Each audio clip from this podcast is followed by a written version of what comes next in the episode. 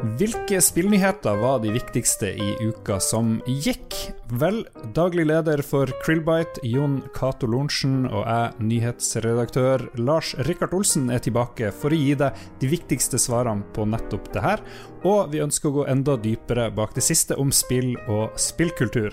God dag, Jon Cato. Du har nylig feira en pris. Har du kommet deg? Ja, jeg har så vidt uh, eh, landa etter feiring tre dager til ende. Nei da, vi var på utstedet Ball i Oslo, mottok pris. Kjempeartig. Ja, Vi skal snakke mer om det seinere, men først. Forsker Rafnildur Jonasdottir ved Høgskolen i Kristiania sier at ønsket om å lage det perfekte dataspillet kan være et hinder for vekst i den norske spillbransjen. Jonas Dotters inntrykk er at mange bruker veldig lang tid på å lage sine spill ferdig, og hun viser bl.a. til Owlboy, som tok ti år å gjøre klart. Forskeren etterlyser kortere produksjoner og sier til titan.uio.no at eh, perfeksjonisme kan være et hinder for vekst. Vi tok en prat med Jonas Dotter for å høre mer om hennes tanker. En ting som har fått oppmerksomhet, det er at du sier at når gjennomsnittstida for å utvikle spill i Norge ligger på to til fire år, så, så, sier det seg sjøl at man ikke kan ha rask vekst og få ut spillene kanskje så fort som, som man kunne. Har du fått, noe, eh, fått noen reaksjoner på det? Ja, det har jo vært eh, litt reaksjoner på Facebook etter at denne artikkelen ble lansert.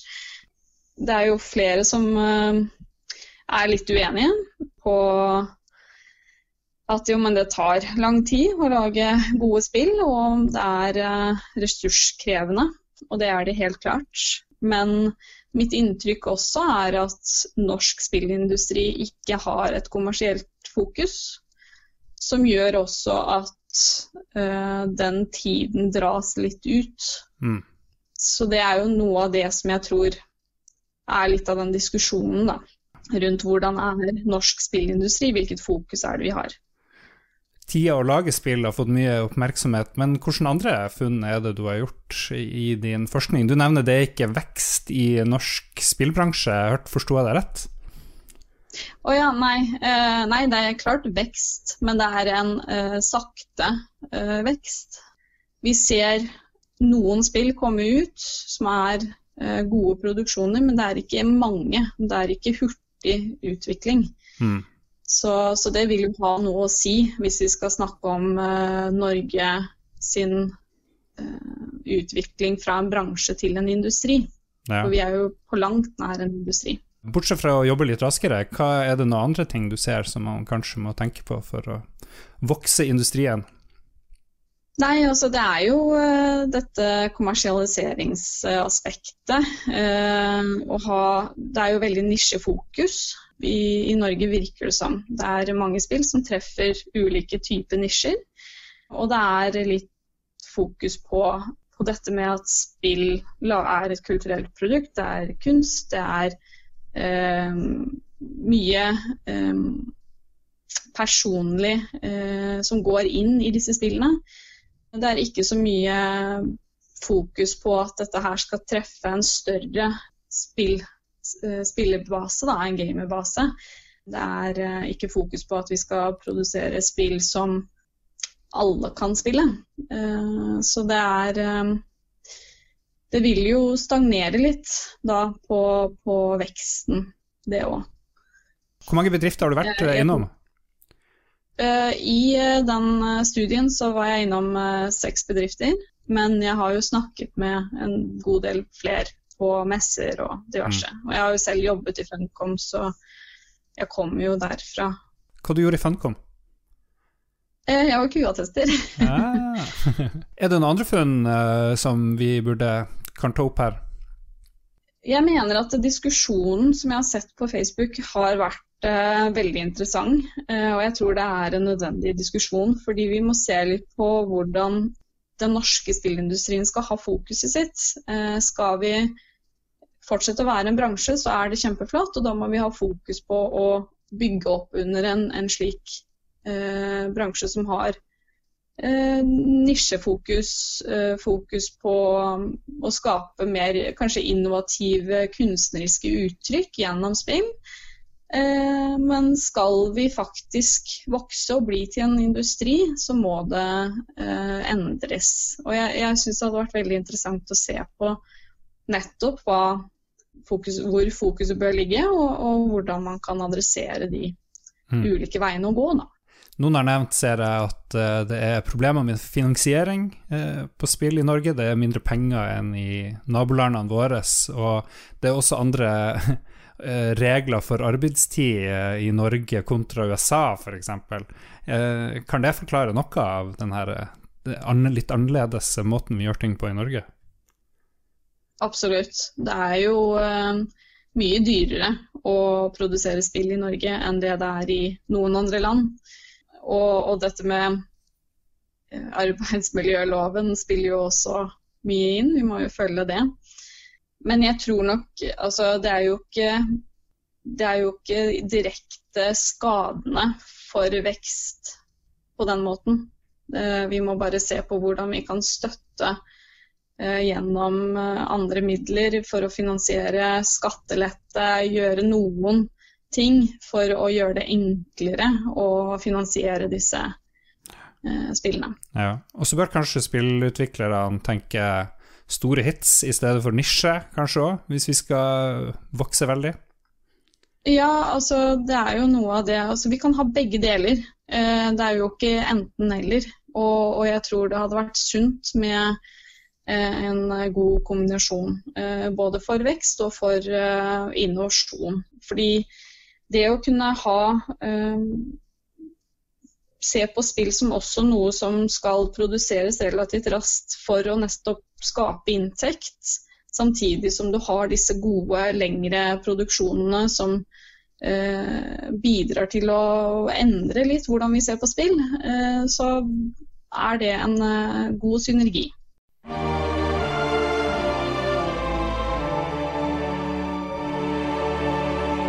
Krillbite stakk torsdag av med juryens Special Mention-pris under Nordic Game Awards. Krillbite var det eneste norske studioet som fikk heder og ære under utdelinga, der også Draugen, Degrees of Separation og Moons of Madness var nominert. Finske Remedy stakk av med hovedprisen for spillet Control. Vi har lova oss sjøl å ikke snakke så veldig mye mer om deg, Jon Cato, for i forrige uke så ble det kjent at du gikk av som Krillbite-sjef, men så har dere altså vunnet en høythengende pris. Hvordan eh, føles det å feire dere hardt? Det føltes selvfølgelig kjempebra.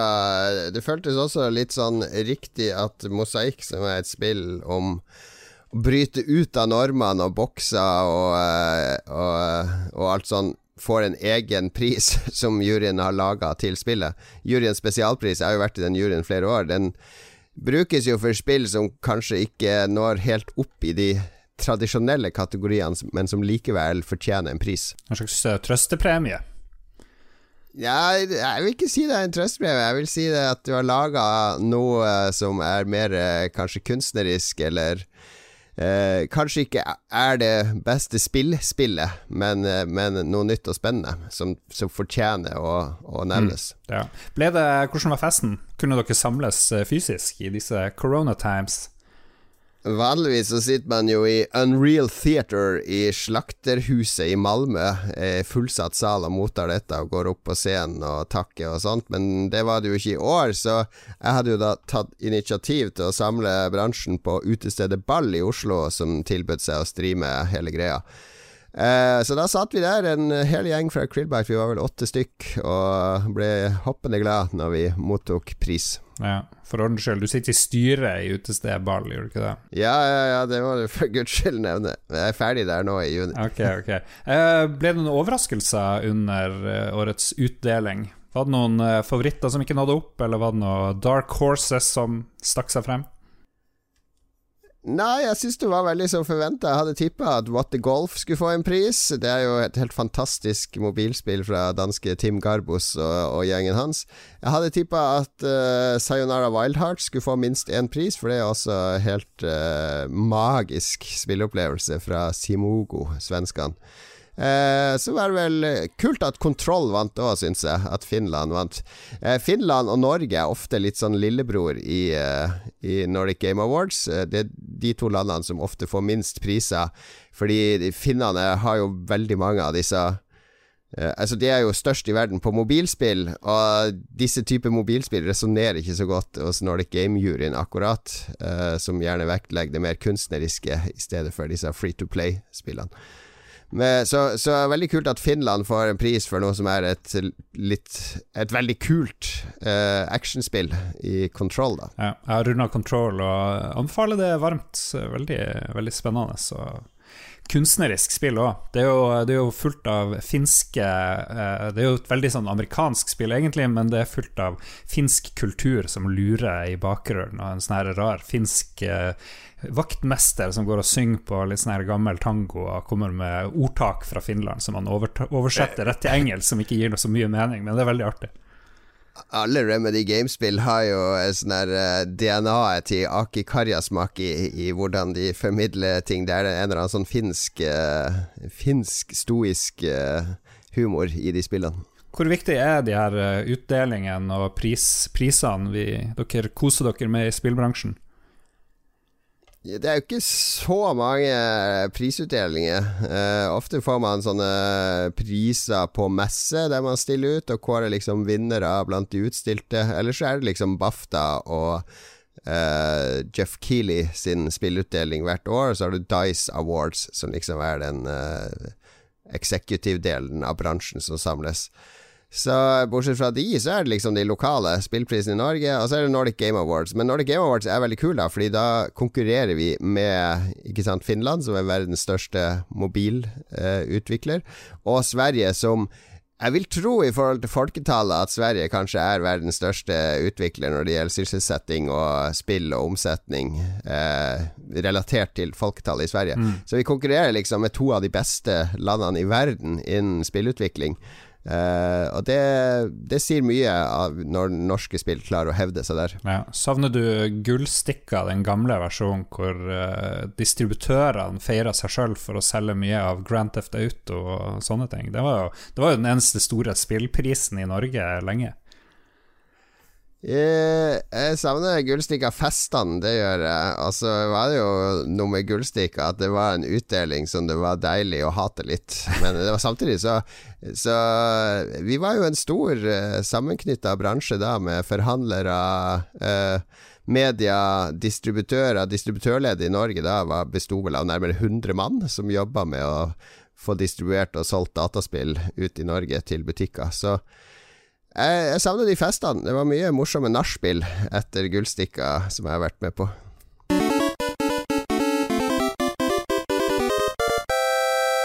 Åtte nye norske spill får ti millioner kroner i støtte fra Norsk Filminstitutt. Totalt var det 29 søknader, og Arctic Hazard Game Studio er blant dem som får mest. To millioner går til deres turbaserte strategispill Norse, satt til vikingtida. Medieval Kings, også det er et strategispill eh, fra Billion Worlds AS, får også støtte. 350 000 kroner. Det første jeg reagerer på, er hvorfor heter det fremdeles Norsk Filminstitutt som driver og deler ut penger til spill? Det er jo litt irriterende, er det ikke det?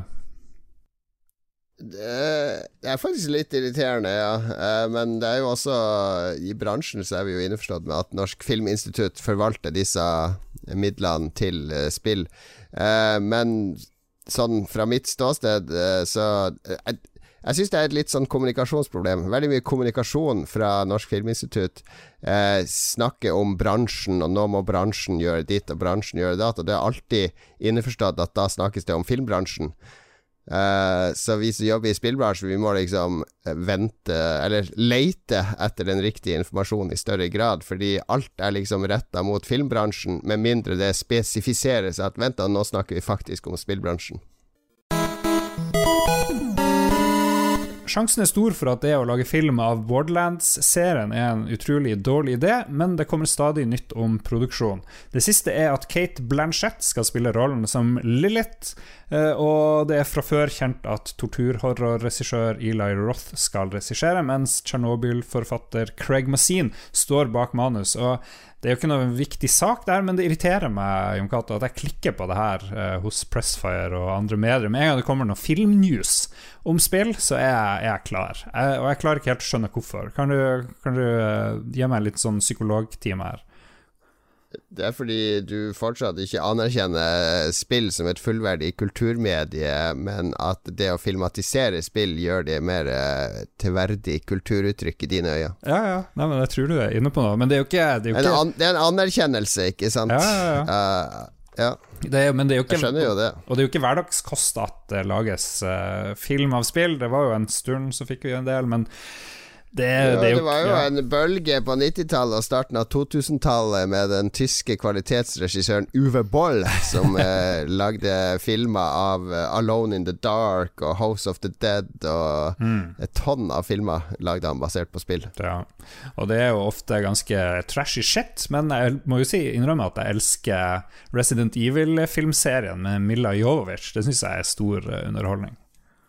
Ja, men den gjorde jo et veldig kult grep med at den tok liksom eierskap over hele Altså, den, er, den heter jo Resident Evil, og du har et par fellesnevnere, men så har den liksom utvikla seg totalt på egen hånd, i stedet for å bare prøve å, å være spillene i filmform. Ja. Er det noe Hva er din favorittspillfilm? Uh, har du noe på lager? den fins ikke. Den fins ikke, er konklusjonen. Det kommer jeg faktisk ikke på, på noe som helst. Litt irriterende, faktisk. Jeg må bare påpeke også, slutt å omtale han der Craig Mazin som Tsjernobyl-forfatteren. Husk at han også er Scary Movie 3 og 4-forfatteren, og The Hangover part 2 og 3-forfatteren. Ja, det, det, skal vi gjøre. Han, eh, vi får se om han kan leve lenge som Tsjernobyl-forfatter. Det er mulig han blir uh, Borderlands-forfatteren etter det her.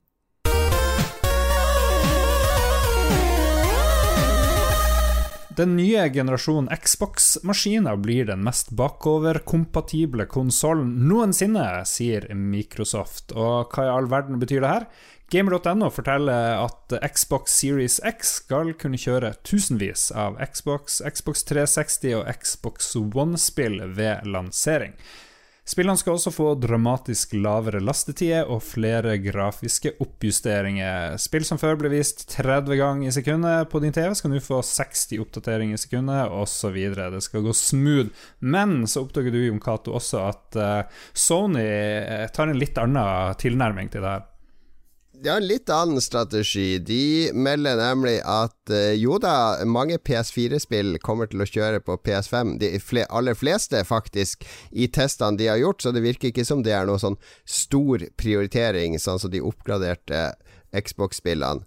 Jeg vet ikke om det er et 100 krav, men eh, det virker som at alle spill som kommer til Series X-versjonen av Xbox, også vil kunne spilles på tidligere Xbox-modeller, noe Sony ikke kommer til å gjøre på sin maskin. PlayStation 5-spill vil være rene PlayStation 5-spill og kunne utnytte PlayStation 5-hardwaren fullt ut.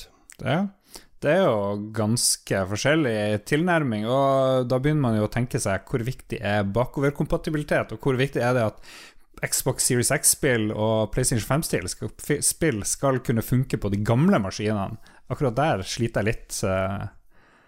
Jeg syns det er veldig artig differensiering her, fordi det er åpenbart at Sony vil at PlayStation 5 skal bli det nye flaggskipet eh, over tid. Eh, innen to-tre år, ikke sant, så skal alt foregå på PlayStation 5, og de som har PlayStation 4, skal oppgradere eh, dit. Med ny hardware og alle godene som det fører med seg. Og så virker det som at for Xbox så er det å ha en gigantisk spillkatalog, eh, altså at Xbox skal være synonymt med et eh, system så du kan spille på, på, både nye og gamle maskiner, og få bedre ytelse hvis du har nye maskiner, men du skal også kunne spille det på gamle maskiner. Eh, at dette liksom er hovedfokuset. Jeg er jo en av de som kjøper de nye konsollene med en gang de kommer, og så gir jeg blanke F i om ting fungerer på gamle maskiner, egentlig. Men er det noe som er viktig hos folk flest, tror du? Jeg vet ikke hvor viktig det er for folk flest. Vi har jo De vi kjenner som er liksom Xbox-fans, de er jo veldig glad i at den samme infrastrukturen bare blir utvida, men at de fortsatt er uh, eier alle spillene sine og sånne ting. Men for meg så er jo det spennende med en ny konsoll, er jo å prøve alt det nye som virkelig utnytter konsollen fullt ut.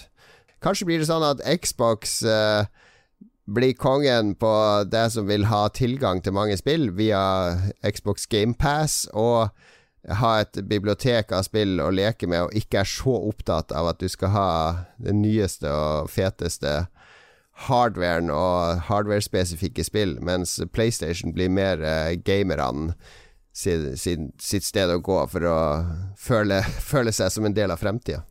Jeg er litt skuffa over eh, Pressfire og gamer og sånt. Eh, det er veldig lite konsollkrig-clickbate for tida, syns jeg.